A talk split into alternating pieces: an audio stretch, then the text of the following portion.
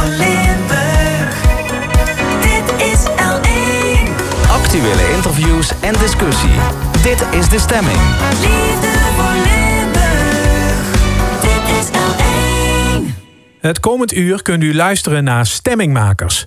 Een serie lange gesprekken met markante en spraakmakende Limburgers. Vandaag met Anja Niwira, schrijfster en directeur van Visit Zuid-Limburg. Een gesprek over de toekomst van het toerisme, het schrijven van thrillers en de zoektocht naar het goede en kwade in de mens. Luistert u naar Stemmingmakers met Anja Niwira. Een programma van Frank Ruber.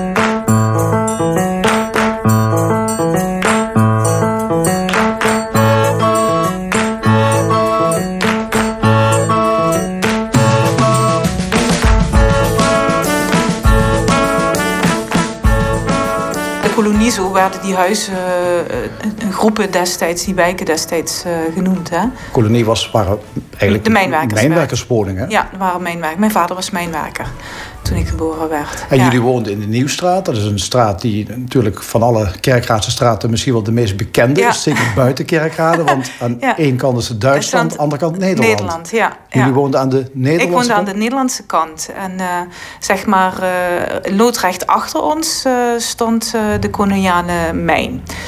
De dominiale, sorry. de dominiale mijn. En ehm, ja, dus vrij kort op. Ik denk 200 meter of zo, 300 meter van ons huis... eh, ja, waren al de, de fabrieksterreinen. Dus als mijn moeder de was, eh, die, die, die deed op maandag altijd de was. En als ze die dan ging ophangen, dan ging ze de tuin in. We hadden zo'n zo'n zo'n zo'n kleine tuin die ze dan ook als moestuin had ingericht. En eh, dan stak ze de vinger op en dan keek ze uit welke richting de wind kwam. En dan was ik altijd als klein meisje alert. Want als de wind uit de kant van de dominiale kwam... dan eh, werd de was binnen opgehangen. Want dan kon ze hem buiten niet ophangen, want dan werd hij zwart. Dus, eh, en dan verheugde ik me daar altijd op, want dan kon ik daar verstoppertjes spelen tussen die lakens. En dat rook zo lekker. Ja, dat zijn zo van die kleine herinneringen die je hebt. Want hè. daar werden de lakens binnen Er opgehangen. werden la- lakens binnen opgehangen aan allerlei, ja, in de gang, overal waar, of de was werd dan overal binnen opgehangen. En dat had dan met de windrichting eh, te maken.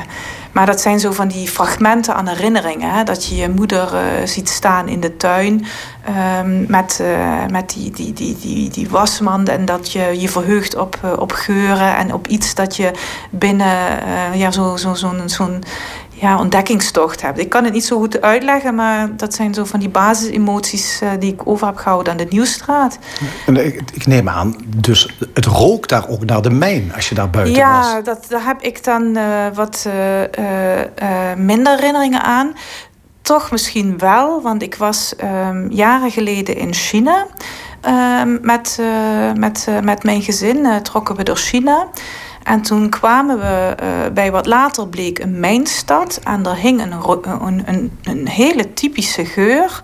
En ik had een acuut ehm, gevoel van dit herken ik. Ehm, dit is eh, heel specifiek. Ehm, en eh, toen had ik het daar later nog met, eh, eh, met mijn ouders over. En eh, met mijn moeder dan. En, ehm, en die zei, ja, dat rook heel specifiek. Dus ik vermoed dat het dat is geweest. Dat je zoiets hebt van, oh, je herinnert je iets. Maar je weet me nog precies maar wat je herinnert. Zo. Die, die, die essentie eh, is dat. Ja. Ja, die, die mijn, die overvleugelde natuurlijk ook die stad. Kerkrade was Ja. een mijnstad. Hè? Ja. Er waren meer mijnen in die omgeving. Ja. Eh, uw vader was mijnwerker. Dus die mijn die was ook continu aanwezig. De mijn was in die zin eh, in mijn jeugd dominant. eh, dat ehm, ik natuurlijk de volledige ehm, gevolgen van de sluitingen heb meegemaakt. Hè. De werkloosheid. Mijn vader heeft zich toen moeten omscholen. Ehm, is eh, ook voor ingenieur gaan, gaan leren. En kreeg drie jaar beurs daarvoor. En ehm, dus die eerste jaren eh, was wel op een houtje bijten. Dus ik heb wel een, zowel zo'n jeugd gehad waarbij, en velen met mij, hè, dus dat was bijna allemaal, al die gezinnen, ja, was wel even voor, voor, voor ouders eh, van ja, hoe gaan we dat nu doen? Het was, was het een, neerslachtige sfeer in die Op een, bepaald moment wel. Ehm, maar niet in mijn gezin. Hè. Dus ik heb. ehm, ehm, ik, ik kom uit een heel warm, lief nest. Eh, dus bij ons thuis. En mijn moeder is een hele vrolijke. En mijn vader was altijd een hele evenwichtige, een stabiele eh, man. Dus ik heb eigenlijk ehm, daar, ik denk als je een warm gezin hebt, hè, eh, kun je heel veel, eh, wel, gaat heel veel langs je heen als kind. Hè? Dus ik heb, ik heb daar, maar ik merkte het wel in de, in de omgeving. En kijk, eh, werkloosheid is wel iets wat, ehm, wat heel erg drukt. En zorgen om, om, om geld en zoiets allemaal. Hè. Dat zijn wel dingen die waren wel bij de meeste mensen, veel mensen aanwezig. En dat Ja. voelde je wel. Is dat iets wat op een of andere manier nog meespeelt in uw leven? Dat u weet van, je kunt in een periode leven waarin het allemaal goed gaat. Die mijnen, het floreert, eh, Ja. eh, economisch is het booming. Het kan in één keer afgelopen zijn. En dan kun je... Nou ja, wat je leert, ehm, eh, eh, kijk, ehm, dat ehm, je in de essentie met, eh, met weinig toe kunt en toch gelukkig kunt zijn. Ik had het daar laatst met mijn nichtjes over. Ik heb een hele hechte familie, ehm, hè, dus grotere familie. En we hadden het daar met de nichtjes laatst ook over dat wij eigenlijk ehm, toch altijd heel erg gelukkig zijn geweest. Dus eh, we zijn dan wel hè, ehm, allemaal hebben we toch eh, ja, het nodige in die wereld meegemaakt. Hè, toen van die recessie en zo. Hè. We zaten er middenin met een jeugdwerkloosheid van eh 33 procent en, enzovoort. Maar aan zich ehm, ja, waren wij gewoon een hele gelukkige, stabiele familie. En, en, dat, en eh, we, zijn ook allemaal met de twee poten op de grond ehm, mensen. Zo, hè? Dus- En ook eh, ja, dat je eigenlijk eh, niet al te veel nodig hebt om gelukkig te zijn. Hè? Dus dat het niet gaat om zoveel kleren. Want ik droeg dus toen de kleren van mijn nichtjes. Dus ik was met mijn zusje de jongste in de rij. En, en, eh, maar goed, ik heb daar nooit last van gehad.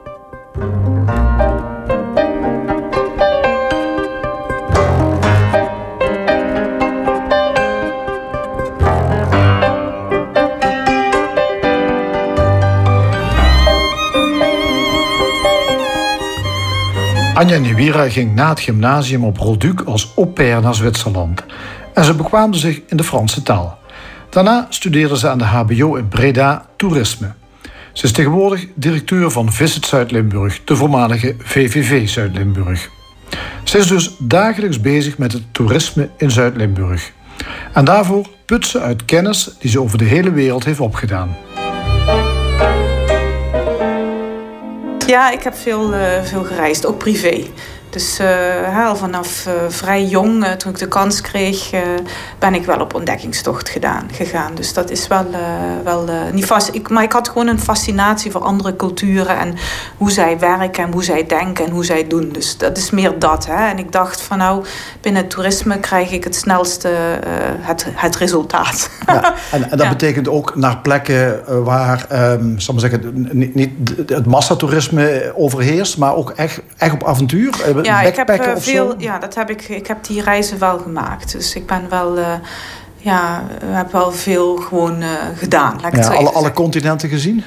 Alleen Australië niet. Dus die staat nog op de lijst. En nog op de bucketlist. ja, nou, ik heb geen bucketlist, maar als het ervan komt, komt het ervan. Ik moet zeggen dat ik op dit moment, eh, ja, de laatste jaren wat, eh, wat reismoe ben geworden. Ook omdat ik zie eh, hoe de sector zich ontwikkelt. Weet je, dat er eigenlijk feitelijk ehm, op niet veel meer te ontdekken valt. Hè? Door Google Maps en door al die eh, infostromen is het heel moeilijk nog om nog avonturen te, te hebben of avontuurlijk bezig te zijn. De Ja. weg is bereid, laat ik het zo zeggen. Ja, nou, door Lonely Planet Ja. is eigenlijk het avontuur verdwenen. Ja, zou je kunnen zeggen, ja.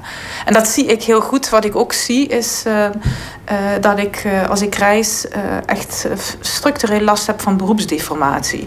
Dus dat ik overal aan het kijken ben van hoe doen ze dat hier, Ehm, ehm, wat kan ik daarvan leren. Dus ik, ik ben eigenlijk, als ik reis, ben ik a- aan het werk. Ehm, in mijn kop, hè. Dus ik kom er niet van los. Ja, omdat u directeur bent van Visit Zuid-Limburg. Ja, Dus dan zie je dat allemaal. Dan zie je dat Ja, en dan eh, ja. heb je zoiets van, nou ja... En eh, mijn man zegt dan ook vaker van, ja, laat dat los. Maar iets wat in je bijna geïnstitutionaliseerd is, hè, dat kun je niet loslaten. Dus dat is heel, eh, heel raar. Ja. Maar, maar los daarvan, het feit dat de wereld eigenlijk al helemaal ontdekt is, Ja. maakt reizen dus minder spannend, minder interessant voor u. ja. Zou dat misschien op den duur voor meer mensen gaan gelden? Dat we misschien Ik vermoed dat wel. Ik vermoed dat we dus dat- niet meer die, die verre reis hoeven te maken, dat we iets anders gaan zoeken? Ja, nou wat, wat je ziet bij, eh, bij verre reizen steeds meer, hè, is dat ehm, eh, belevenissen worden nagebootst ten vervoeren van de toerist. Dus dat, ehm, dat culturen, eh, dat dingen worden gemaakt zodat de, de toerist de beleving is, krijgt die die daar verwacht. En ehm, waardoor het, eh, dat je een soort onechtheid, een, een, wij noemen dat in het vak een staged authenticity, is het, eh, de vakterm daarvoor. Ja, en juist die toerist gaat eigenlijk om het authentieke te Precies, vinden, maar dat vindt hij niet meer. iets nagebootst. En dat krijgt hij dus niet meer. Ja. En ik zie dat heel scherp vanuit mijn, eh, met mijn ogen natuurlijk meteen.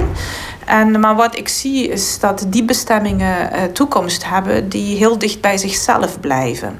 Ehm, en die ook gasten zoeken die ehm, eh, eh, op hen lijken. Eh, dus die, dat klinkt heel paradoxaal, maar ik denk dat bestemmingen zoals Limburg, Zuid-Limburg, maar ook de Eifel, de, de, de hele Moezelregio, ehm, eh, dat soort bestemmingen, dat die een, een toekomst hebben met gasten. Eh, in eh, een, een nabijheid van maximaal 200, 300 kilometer. ehm, die gewoon onder de radar ehm, willen blijven. En gewoon bestemmingen zoeken die dicht bij hun eigen DNA zijn gebleven. Dat is ook de reden waarom wij met Visit Zuid-Limburg en met de regio nu ook eh, onze zogenaamde DNA-thema's uitwerken. Dat wat Zuid-Limburg in de essentie is, wat ook de essentie is van de cultuur van de bevolking. En dat je dus geen wezensvreemde dingen gaat doen. En wat zijn die authentieke dingen dan Bijvoorbeeld eh, krijt en mergel. Eh, wat we wijnbouw. Hè? We hebben vorig jaar heel veel geïnvesteerd in die route de vin. eh, in die wijnroutes. Eh, de riviertjes. eh, de, eh, de, het oorlogsverleden wat we hier heel specifiek hebben. Vakwerk.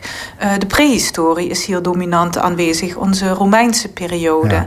Ja. Dus dat soort elementen die wij hebben, die, en we noemen dat in het vak, die niet kopieerbaar en sterk onderscheidend is, zijn. Hè? Ehm, dat je daar ehm, verhalen over gaat maken. Dat je, die, dat, dat, je dat samen doet met, met inwoners. Ehm, en dus dat je niet ehm, gaat, eh, ja, gaat zitten op wezensvreemde gasten. Zoals bijvoorbeeld groepen Chinezen. Die hier dan voor een dag even komen ehm, hè, als een zwerm binnen en weer weggaan. Eh, want dat, dat leidt ook tot conflicten met, eh, met gasten die daar juist voor iets anders komen. Kijk wat het is, hè? je kunt ehm, uiteindelijk niet alle heren dienen.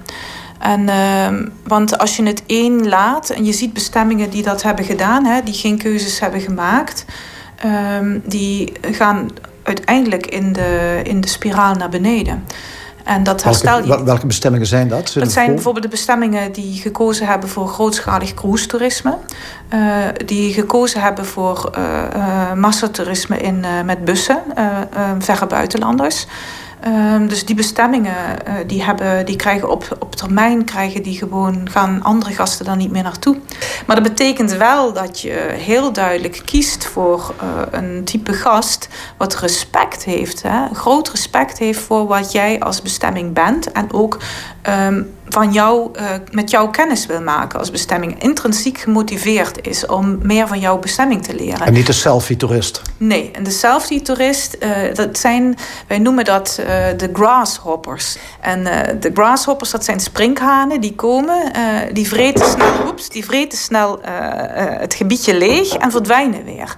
Ehm, en als je, die, als je die niet indampt, dan is het net als met de echte sprinkhanen, heb je straks niks. Het zal nu wel moeten, ja.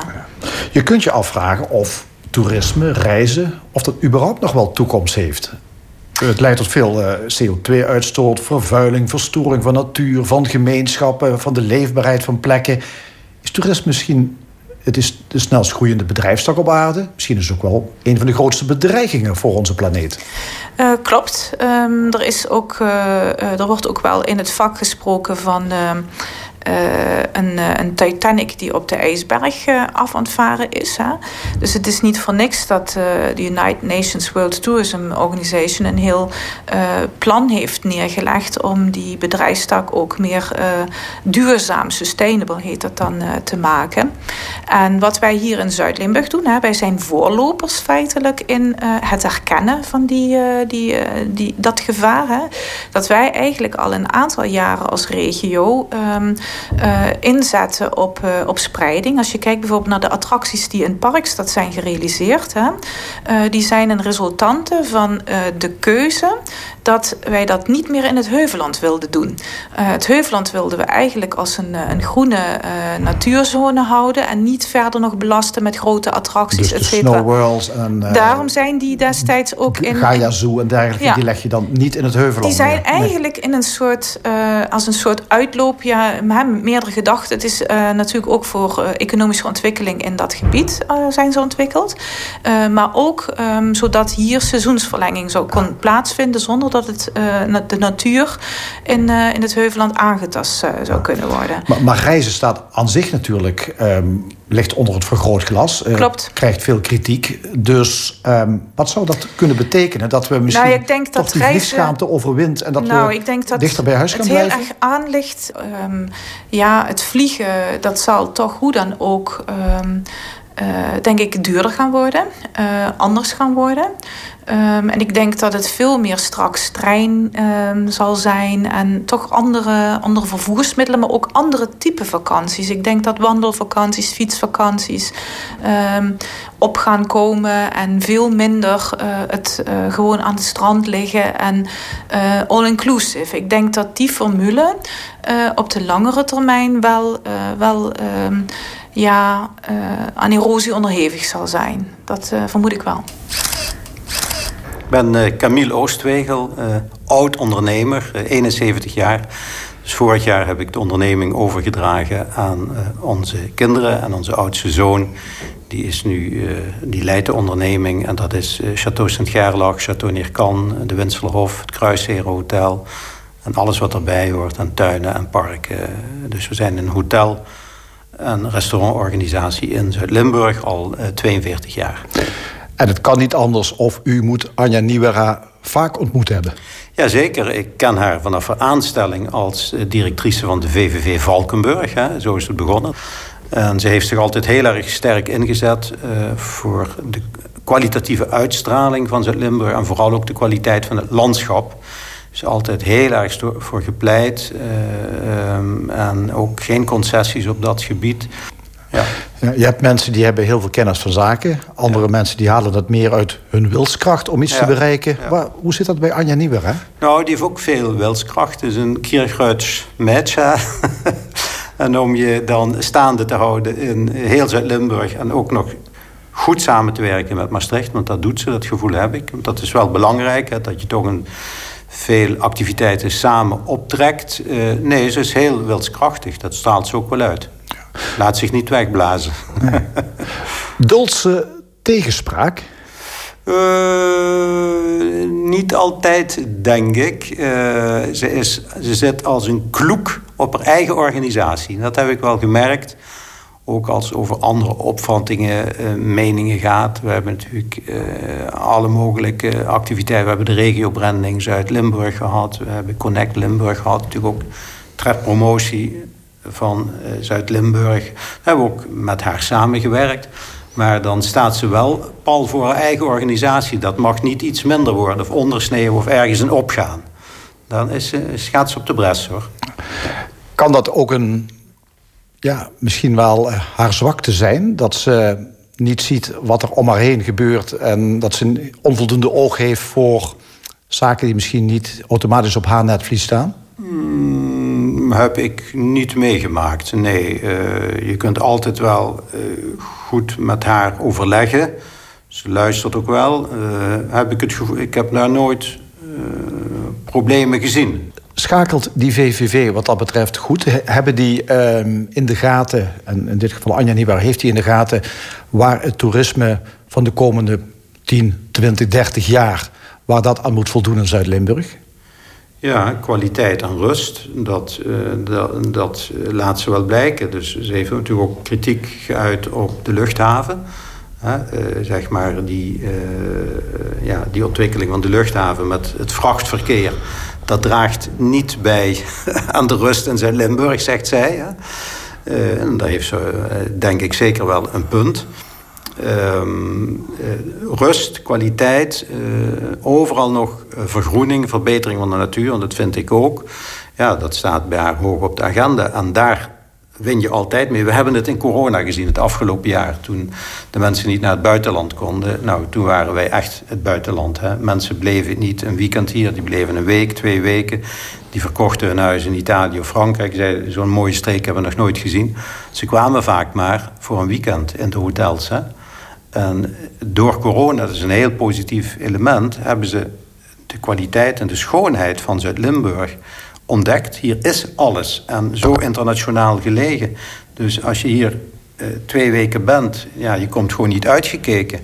Uh, en daar kan de VVV ook zeker nog wel uh, meer gebruik van maken. Anja Nieuwera is ook schrijfster. Ja. En niet onverdienstelijk. Nee. Ze krijgt goede Nee. kritieken. Nee. Ze leest ook veel. Ziet u dat kunstzinnige en intellectuele van haar... ziet u dat ook terug in haar werk? Oeh. Ehm, nou, misschien in het enthousiasmeren van haar medewerkers. eh, die ook dus met eh, deelprojecten bezig zijn. Dan merk je toch wel dat zij daar de drijvende kracht in is. Ze heeft, ze heeft goede eh, projectleiders ook. Ehm, en ze heeft, en dat vond ik, want ik heb trouwens met haar over gesproken. Dus ik heb haar eh, eerste drie boeken gelezen. Het vierde nog niet, daar is mijn vrouw. Is nu de Camino aan het lezen. En het is eh, heel leuk dat zij dus daar eh, het verhaal vermengt ook met Zuid-Limburg. Dus de Pyreneeën of ergens of Frankrijk of ergens in Europa waar zich iets afspeelt, maar het komt altijd weer ook terug in Limburg. En dat is natuurlijk ook uiteindelijk ook promotie voor Limburg. En dat doet ze heel knap. Ik vind het wel heel bijzonder dat zij in zo'n korte tijd vier eh, boeken geschreven hebben die ja, hoog op de bestsellerslijsten staan.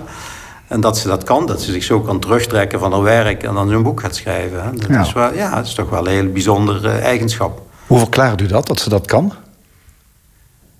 Ja, ze kan zich afsluiten. Eh, dat zegt ze ook. Ze, ze kan in een cocon gaan zitten, hoor ik, gaan zitten, hoorde ik. En ja, dat is ook des schrijvers, denk ik. Als je dat niet kunt, kun je, dan is dat eigenlijk je wereld waar je in zit. Hè? En ehm, dan kan haar werk ook loslaten. Maar ik denk ook dat eh, dat schrijven natuurlijk ook wel weer invloed heeft op haar werk. eh, op de een of andere manier. Nee, ik vind het wel een interessante combinatie.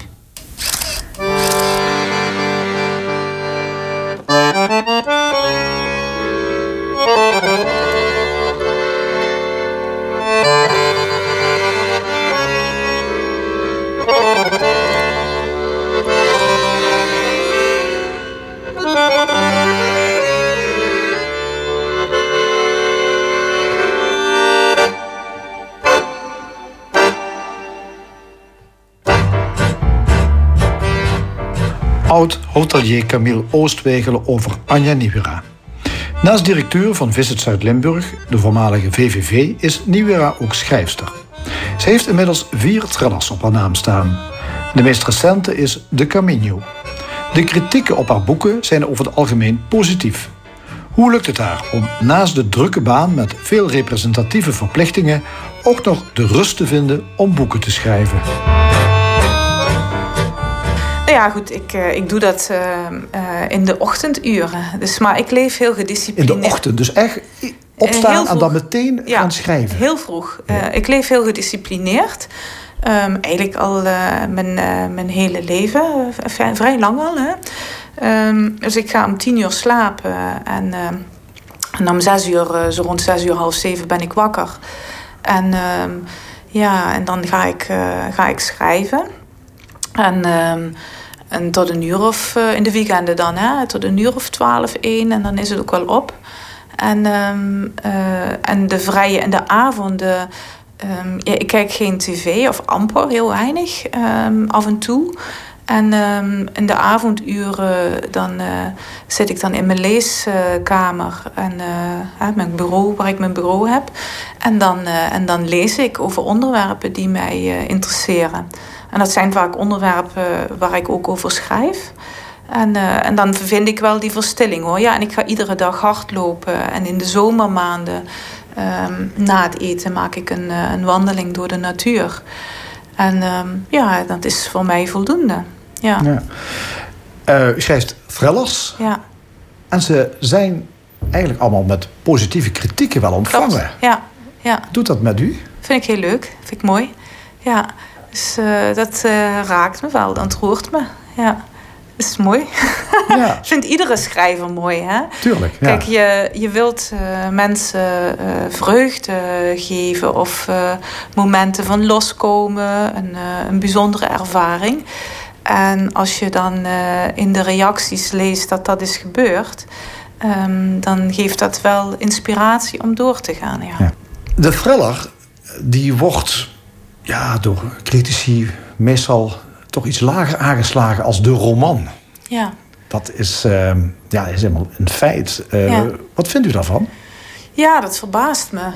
Um, ik, uh, ja, ik, ik vernam dat ook pas hè, sinds ik hoorde dat, het, een, dat ik dan binnen het domein thriller zou, zou vallen. Ik denk dat dat te maken heeft met het oorspronkelijke ooit concept van de thriller als zijnde een crimi. Uh, weet je wel, uit die... In de roman ontwikkelt het personage zich natuurlijk. Ja, hè, maar dat is bij thrillers, uh, bij een aantal thrillers ook zo. Maar ik denk dat de naam van... Uh, ja, die naam die ze dan... Um, ik, ik, ik, ik kan het niet, uh, ik wil het, kan en wil het niet beoordelen, maar ik denk dat die reputatie, hè, waar ik van gehoord heb dat men er zo over spreekt, hè, um, dat dat voortvloeit uit de tijd dat um, uh, decennia geleden met Havank en, en zo, weet je wel, dat het uh, meer krimis waren. Ja, hè, bij hele platte personages die zich natuurlijk ja, maar dat was ontwikkelden. Met, ja, ja, maar in de laatste twintig jaar um, hebben, zijn thrillers veel meer ook de kant op gegaan van spannende romans. Vandaar en de romans, literaire thriller. Ja, ja, ja. ja, en romans zijn veel meer de kant op gegaan ook van uh, uh, ja, thriller-aspecten. Dus het genre is vervaagd. Maar en... doet het u iets dat, uh, dat, nee. er dan, ja, dat het minder hoog wordt aangeslagen? Nee, ik, heb, uh, ik, ik denk dat uh, je, je moet vooral niet te veel bezig zijn met uh, ja, dat soort titulatuur. Hè? Van wat, uh, wat mensen van het een of ander uh, vinden. Je moet vooral je eigen ding doen. En, uh, um, ja, en, en, en, en, en, en, en, plezier halen uit, uit, uit je creatieve proces. Ik denk dat dat het wel, wel belangrijk is. Het meest recente boek, hè, De Camino, die ligt ja. nu in de boekhandel. Ja. dat gaat over Lotte, een, Ja. een vrouw uit, uit Zuid-Limburg. Ja. Eh, die gaat de Camino naar Santiago wandelen. Dat is de, de pelgrimsroute, hè, die al, sinds Mhm. de middeleeuwen gelopen wordt natuurlijk. Eh, ze doet dat precies een jaar nadat, nadat haar man, Emiel... ook die pelgrimstocht eh, heeft gelopen. Maar hij heeft zich tijdens die eh, tocht van het leven benomen. Ehm, die tocht is echt minutieus beschreven, Ja. lees ik. Ehm, Ik u, heb, u heeft hem zelf gelopen, hè? Ja. Al- een stuk ervan. Dat moet wel. Ja, ik heb hem zelf gelopen, dat, uh, dat stuk inderdaad, in het kader van, uh, van mijn research. Ja. En, en wat mij dan opvalt is uh, dat u beschrijft hoe een wandelaar van die Camino, hoe die zelf ook in een bijna trance-achtige ja. ervaring terechtkomt door dat lopen van die route. Ja, wat, wat gebeurt daar dan met mensen? Um, nou ja, het is, uh, je, je bent, uh, met name ik heb dan het traject door de Auvergne gelopen in Aveyron. Dus dat is zeer desolaat daar. Hè? Um, en uh, toch vrij lange afstanden tussen de dorpen. Dus je hebt veel stukken helemaal niks. En toen ik het liep was het 30 tot 34 graden, dus bloedheet. dus echt extreem heet. En um, je bent eigenlijk dag in, dag uit um, volgens een vast ritme. Je staat op, je gaat lopen, je eet tussen de middag, je drinkt, je loopt, je komt aan. Je gaat je douchen, uh, je gaat uh, um, eten met, uh, met andere pelgrims en je gaat slapen. En dat dag in, dag uit, dag in, dag uit. En dat lopen, tijdens dat lopen heb je best veel eh, pijntjes. ehm, eh, of eh, momenten dat er fysiek ongemak is. Of, ehm, en dat je ook heel lang eh, niemand ziet, eh, niemand spreekt. ehm, eh, maar doorloopt, doorloopt. En dat werkt, eh, vind ik, heel erg op, eh, op, je, op, je, op je geest door. Of op je ziel, of hoe je dat wilt. eh, wilt eh. En eh, het geeft ook een, eh, een, een heel bepaald, heel mooi gevoel van, eh, van vrede. Ehm, als je het al, al- wat dagen aan de gang, laat ik het zo even zeggen. En dat had ik niet verwacht. Hè. Ik was dus daar naartoe gegaan, echt voor de research. Hè, want ik merkte dat ik blokkeerde. Ik wist wel dat ik het over de Camino en dat het daar zou lopen. Maar ik ben dus echt, eh, ik dacht van, nou, ik moet dit even gedaan hebben, even. hè. En, ehm, want anders kan ik dat boek niet goed, eh, goed schrijven. Maar het moet- doet echt wel iets het doet hartstikke wat iets. Ja. Ik kan het iedereen aanraden.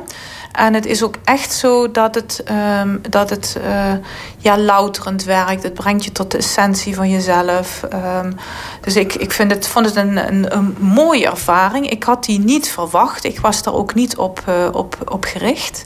Maar het is wel gebeurd. En ja, ja, Het, het is een heel spannend verhaal. ja. En ehm, de man van Lotte, dus die vrouw die Ja. die Camino aan het lopen is, eh, die Emil, dat was een Bosnier. Eh, hij blijkt zich tegenover haar eigenlijk jarenlang te hebben voorgedaan als iemand anders. Daar komt ze pas achter nadat hij dus ja, die zelfmoord gepleegd heeft. Ehm, en nu heeft voor dat boek eh, ook behoorlijk wat onderzoek gedaan Ja. in voormalig Joegoslavië. Eh, Althans, wat is daar gebeurd in die tijd? Dat is natuurlijk de Camino, eh sommige voormalig Joegoslavië. Het komt dan bij elkaar. Er moet iets van een interesse zijn geweest Ja. al in, dat, in die conflicten, in die burgeroorlogen die daar in de jaren negentig zijn geweest Klopt. bij u. Nou ja, ehm, ik, ben, eh, ehm, ik was twintiger toen dat, eh, eind twintig, toen dat eh, het speelde. En ehm, je moet, ik ben kind van de Koude Oorlog. Hè? Dus mijn jeugd, tienerjaren, was die Koude Oorlog heel dominant. En in 1989 eh, viel de muur.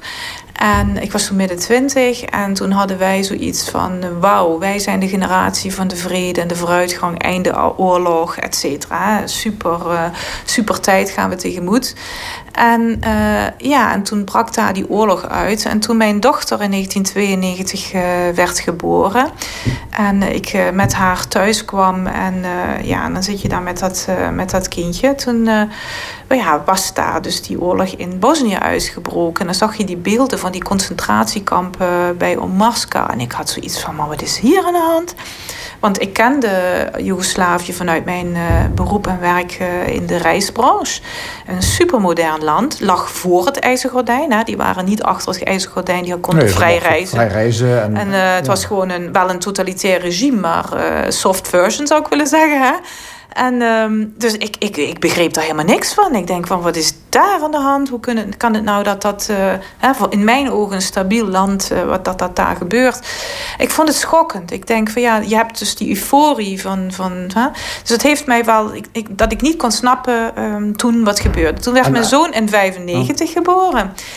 En, ehm, en eh, nou, dan had je weer zo'n hummeltje op de arm. En toen viel Srebrenica en vond daar die genocide plaats. En ik had zoiets van, ja, maar wat is daar aan de hand? Wat, wat heeft die mensen daartoe gedreven? Dat heeft me wel wat, niet dat me dat dagelijks heeft bezig gehouden, maar af en toe pupte dat die vraag weer op, hè, als het weer in de media kwam. En wat wilde nou ehm, in... ehm, 2019, toen ik bezig was met eh, het bedenken van mijn nieuwe verhalen. Ik wist wel vrij snel dat dat over de Camino eh, zou gaan. eh, was Srebrenica weer in de media vanwege de- die rechtszaak tegen Mladic. En toen had ik het zoiets van: ja, ik ga oorlog en vrede tegenover elkaar zetten. Ik ga verkennen en uitzoeken wat mensen nou aanzet om elkaar zo uit te moorden. Dat wilde ik gewoon eens voor mezelf uitzoeken en verkennen. En dan ben ik, heb ik me dus op dat dossier gestort. En, ja, en dat, ook, eh, ja, dat, is, dat is duidelijk dat u heel veel research gedaan heeft. Ja. Het moet ook wel kloppen, vindt Ja. u, hè? Zo'n, Ja. zo'n- Ja, vind ik wel. Dus ik heb wel zoiets van ja, ik wil geen eh, onzin opschrijven. Nee. Ik heb ook met eh, eh, ooggetuigen gesproken, met VN-peacekeepers. ik heb ook met een mevrouw gesproken die gespecialiseerd is in eh reïntegratie van, eh, van oorlogsmisdadigers en met oorlogsmisdrijven bezig is. Eh, ik heb met mensen uit eh, Bosnië zelf eh, gesproken die de oorlog toch hebben meegemaakt. Ehm, dus ja, ik, ik Grond, had grondige, grondig Ja, onderzoek gedaan. Ja. In, is ook een thema wat, wat je niet zo even uit de losse pols kunt doen. Want je moet wel recht doen aan. ehm, hè, en het is al lastig, een lastig genoeg thema hè, om, eh, om dat, eh, dat te betreden. En dan mag je het wel zo zorgvuldig mogelijk doen vanuit jezelf. Hè. Wat je in elk geval in het boek heel duidelijk leest, is eh, dat mensen juist door die omstandigheden, door de opvoeding, door de politieke beïnvloeding in dat land, uiteindelijk in een bepaalde partij terechtkomen. En, Ik bedoel, een, een van de kanten van, eh, Ja. zal ik maar zeggen, van, van de partijen. En dat ze daardoor ook meegesleurd worden in het geweld. Klopt. En zelf dader worden. Ja, Dus de omstandigheden ja. zijn duidelijk hier schuldig. Ja, een boek waar ik heel veel van geleerd heb. Eh, heel heftig. Dat speelde niet in, eh, in Bosnië, maar in, in Wit-Rusland, Belarus. Dat was het boek ehm, eh, eh, over de 110-divisie van. eh, eh, dat speelde in de Tweede Wereldoorlog in 2000, eh, 1942. Werden eh, Duitse gewone mannen, hè, familiemannen, die werden eigenlijk als een soort politieagenten naar ehm, eh, Belarus gebracht om het veroverde gebied zeg maar, eh, te bewaken. Zij waren geen frontmannen, maar zeg maar die, die, die, groep die erachter eh, zat. En Ordinary Man is de titel eh, van het boek. En ehm, eh, ja, zij werden op een gegeven moment besloot eh, eh, Hitler kon Suis dat de Joden uitgemoord moesten worden. En eh, zij moesten toen ehm, met hun divisies die dorpen afkammen en dan Joden meenemen in de bossen doodschieten. En de mannen moesten dan de kuilen graven en ze daarin leggen. En dus het waren gewoon hedendaagse mannen die dat moesten doen. En ehm, eh, die hebben dat ook gedaan. Maar de commandant eh, van die divisie... die was eigenlijk niet zo happy met die opdracht van Hitler. Eh, dus die had zoiets van... ja, dit, dit kun je die mannen niet vragen, et cetera. En die zei aan het begin van het traject... van nou, jullie hoeven dit niet te doen. Diegenen die eruit willen stappen... die kunnen nu naar de, de, naar de barakken gaan en ander werk doen. Ehm, en het bleek dat een heel klein percentage... 2 of 3 procent uit mijn hoofd... ik heb al twee of drie jaar geleden gelezen... ehm, van dat aanbod gebruik maakte. Maar de rest eh, voelde de, vond de groepsdruk zo groot... dat ze toch eh, meegingen en het deden. Die 2 procent of 3 procent die het niet deden... dat waren mensen die qua karakter... ehm, eh, eh, wat, eh, wat rebellischer en vrijdenkender waren. Dus die thuis beroepen hadden, veel al in, in, in, in, vrije beroepen en zoiets. Allemaal, het waren wat, wat, wat andere types. Nou, wat dat boek dus, en wat, waar, waaruit weten we dat? In de jaren 60 heeft een Amerikaanse psychoanalyticus heeft die mannen opgespoord van die 101-divisie of 110-divisie en hun onderzocht hoe zij en bevraagd hoe zij dat allemaal tot hun keuzes zijn gekomen.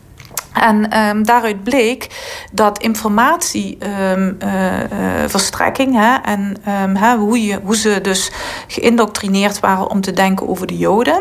Eh, maar ook eh, groepsdruk was heel belangrijk. eh, maar ook ehm, persoonlijke eigenschappen. Eh, die combi maakte ehm, of je het wel of niet eh, had gedaan.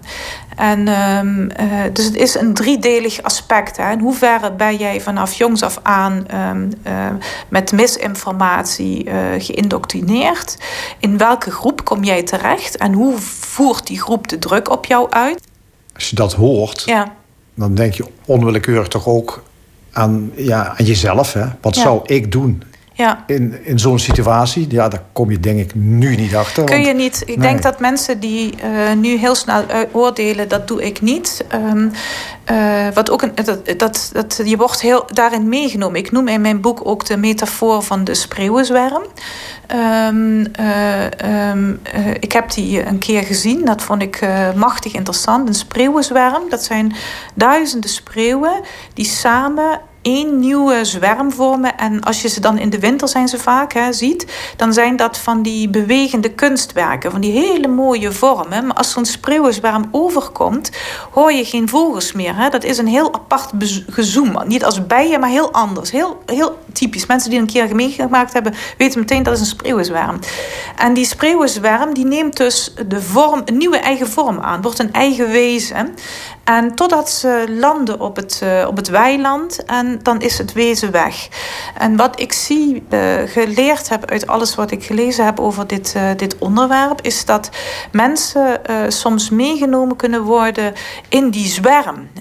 Hè, door, er zijn bepaalde mechanismen die ze meenemen: groepsdruk, misinformatie, opvoeding.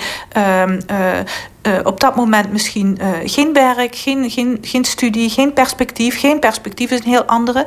En als ze eenmaal in die zwerm zitten, dan komen ze daar heel moeilijk uit totdat de zwerm uit elkaar valt. En dan staan ze daar dan, hè, ehm, want dat begreep ik dan ook in de gesprekken die ik gevoerd heb over de, de reïntegratie van, van, van oorlogsmisdadigers.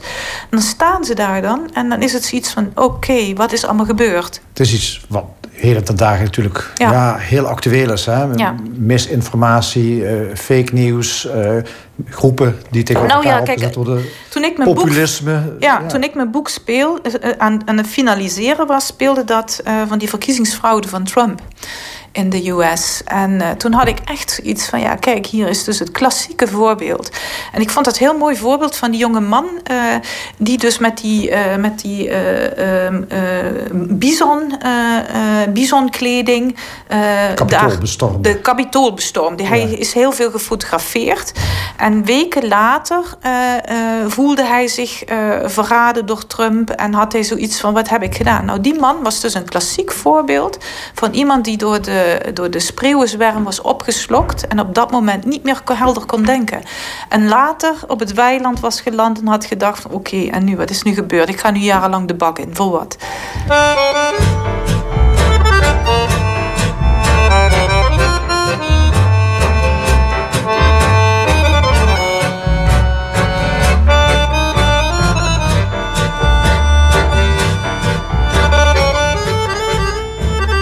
Wij vragen elke gast in Stemmingmakers om een haiku te maken. Ja. Dat is een eh, Japans gedichtje, Mhm. heel kort. En het moet voldoen aan eh, bepaalde regels. Ja, ik heb het u ook voor gevraagd. Ja. En u heeft er eentje voor u liggen, zie ik. Ja. Zou u hem willen voordragen? Eh, ja, los van het denken zweeft mijn ziel door de leegte en is vrij van last. Dat, ja, ik zit even te denken. Want, want ik, moest, ik moest ook onwillekeurig even denken waar we het hiervoor over hadden. Juist eh, in, in die zwerm hè, waar Ja. u het over had, waar je dan in eh, op eh, meegezogen wordt. Dit, deze haiku geeft aan dat, waar u zelf... Ja, dat nou ja, kijk, ik ben, ehm, graag ik ben een- iemand een die... vrije denker bent. Ja, ik ben iemand die eigenlijk van kinds af aan ehm, eh, buiten de groep staat. Veel buiten de groep is geweest. Dus een Einzelganger noemen ze dat dan. Hè? En, ehm, eh, ik kan wel goed, goed in groepen functioneren. Maar ik vind het prettig om er ook... Ik, ik te blijf, ik kan niet, ik, ik, ik sta, ik, ik, eh, eh, wel even mijn familie en, en mijn nichtjes en zo uitgezonderd. Hè? Dus daar ben ik, ben ik lid van, van, van de clan, noem ik dat allemaal even. Maar daarbuiten ehm, heb ik altijd een, een, eh, ben ik, ja, kom- ga ik moeilijk mee in, eh, in groepsdynamieken. Van kinds af aan al. Dus dat is eh, niet iets wat, zo ben ik blijkbaar altijd geweest. Terwijl Dus, dat toch professioneel, denk ik, moet u heel vaak juist in zo'n groep... Kan ik goed. Hè? optreden, Dus, maar ik hou wel altijd een. Ja, eh, ik kan ook goed in groepen werken, groepen meedenken. Dus daar gaat het zich niet om. Maar dat zijn altijd wisselende samenstellingen. Dus eh, eh, dat is iets anders hè, dan deel van iets te zijn. Of voor iets te juichen. Of voor iets. hè, dus, dat, dat, daar heb, dat doe ik dan niet. Ik hou het altijd instinctief. Dus het is iets wat, wat gewoon. En ehm, ik probeer ook altijd van, van een afstand ehm, eh, naar dingen eh, te kijken. En, ehm, en, en, ja, dus, en ik denk dat dat wel Liever de typisch groep is observeren dan deel uitmaken van, de groep. ja. En, eh, maar dat heeft, ik denk dat dat de kunstenaar eigen is. Dus eh, ik heb al van jongens af aangeschilderd, geschreven. Dus ik ben eigenlijk een artistiekeling. Ja, dan ben je bezig met observeren natuurlijk. Ja, dus het is Ja. gewoon je aard. Dus ik doe dat al sinds mijn vroegste jeugd. En, ehm, en wat ik dus merk is op het moment dat je, eh, hè, en dat gaat dan over het schrijverschap, op het moment dat je je in de, in de cocon, en dat is ook een van de redenen waarom ik schrijven zo mooi vind en zo, zo bevrijdend vind, op het moment dat je in die cocon gaat en ehm, bezig bent met dat creatieve proces om, om te schrijven, dan kom je, eh, dat klinkt paradoxaal, maar dan kom je los van denken. Eh, je gaat naar een, een, een, een, punt of een, een, een, een, een onderdeel of een cocon of een hoekje, hoe je het ook wil zeggen, ehm, eh, van jezelf. Je zweeft daar en je zit in een soort leegte. En, ehm, en die, je bent dan helemaal vrij van, van alle last en van, van, van perikelen. En, eh, en je creëert dan. En dat is een, een machtig mooi eh, gevoel. En, ehm, Ja. Dus je bent dan vrij van last. En dat is wat, eh, hè, dus los van het denken zweeft mijn ziel door de leegte en is vrij van last. Ja, En ik zit dan ook te denken dat. Zal maar zeggen, dat is misschien ook belangrijk dat er momenten zijn dat je jezelf ook eens een keer verveelt. Hè? Dat je afstand Ja. neemt. En dat, dat je, is zo belangrijk om Ja. dat te doen. En dat is iets wat bijna niet meer voorkomt. Want wij vervelen ons nooit meer. Want er is altijd wel de verlokking van het mobieltje. Hè? Het beeldscherm eh, is overal aanwezig. Dus er is geen enkel moment meer om nog eens te observeren. Om afstand te nemen. Ja, en kijk, mensen, als je alleen maar met die mobiele telefoon eh, bezig bent en niet zoals de Duitser zegt, die zelen baumeln lassen, hè, dus even helemaal niks en vervelen en dit en dat. Ehm, dan gaat je aandachtscurve wordt veel te kort en neem je beslissingen eh, eh, te veel ja, op ehm, eh, snel in- instinct. En, ja, en dat, dat, dat is goed als je even moet wegrennen voor een beest wat je wil vangen, maar niet goed als je een, een land moet leiden of een regio of dat soort besluiten moet nemen. Ja. Daar spelen zoveel aspecten in mee dat, dat ik denk dat het dan wat belangrijk zou zijn als je wat meer afweegt. Ja. En dat je je jongere generaties ook leert om dat te doen. Ja, ik zag trouwens zelfs dat u ook toch wel... U hebt Facebook, Twitter, u, u mailt natuurlijk. Dus eh, Ja. u doet er ook natuurlijk gewoon ook aan mee. Ja, ehm ofschoon ik wel ehm time-outs neem. Dus eh, ik ben wel periodes offline. Dus dat ik eh, ook eh, meest, ja, hem uitzet en eh, even Top. niet doe. Weet je, het hoeft ook niet... Kijk, je hoeft niet je uit de samenleving te plaatsen. Zolang je er maar bewust van bent... ehm, wat het voor medium is en wat het doet. Hè? Dus dat, ja, dat zijn twee verschillende inzichten. Tot slot van dit gesprek. Het is al een paar keer eh, kwam het en passant eh, aan de orde. U heeft een tweede huis in Frankrijk. Ja. Helemaal in het zuiden, in de, in de Pyreneeën. Hè. Ik Ja. dus Frans-Catalonië. Ja, Frans-Catalonië. Ze ja. spreken er ook Catalaans, Ze geen spreken Frans? daar Catalaans, ja. Ja. Eh, tweetalig zijn ze, Frans-Catalaans. Ja. Ja.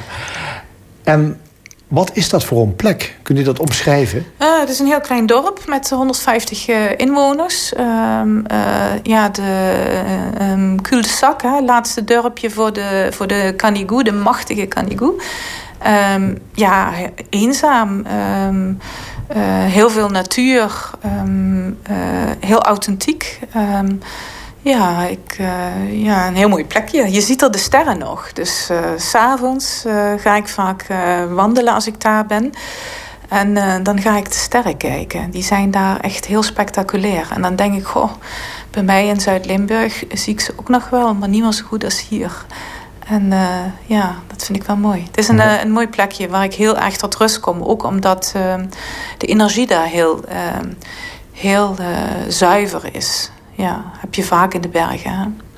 Ja, en aan plek. zee. Ja, aan zee heb je dat, vind ik vaak. En, ehm, en in de bergen, dat zijn eh, plekken waar ehm, ja, je iets van een, dat, ja, dat oerwezen aarde nog, eh, nog meekrijgt. Waar de mens zich nog niet te veel mee bemoeid heeft. En dat wil ik nog wel voelen. Ja, Oké, Dank u Ja. wel voor dit gesprek. graag gedaan.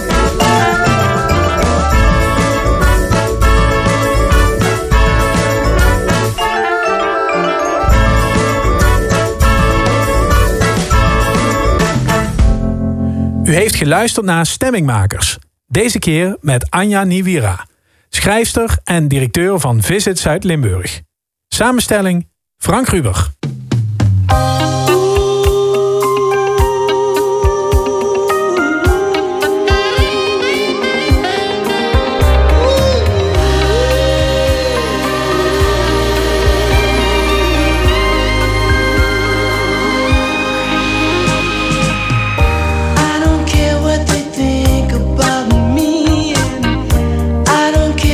say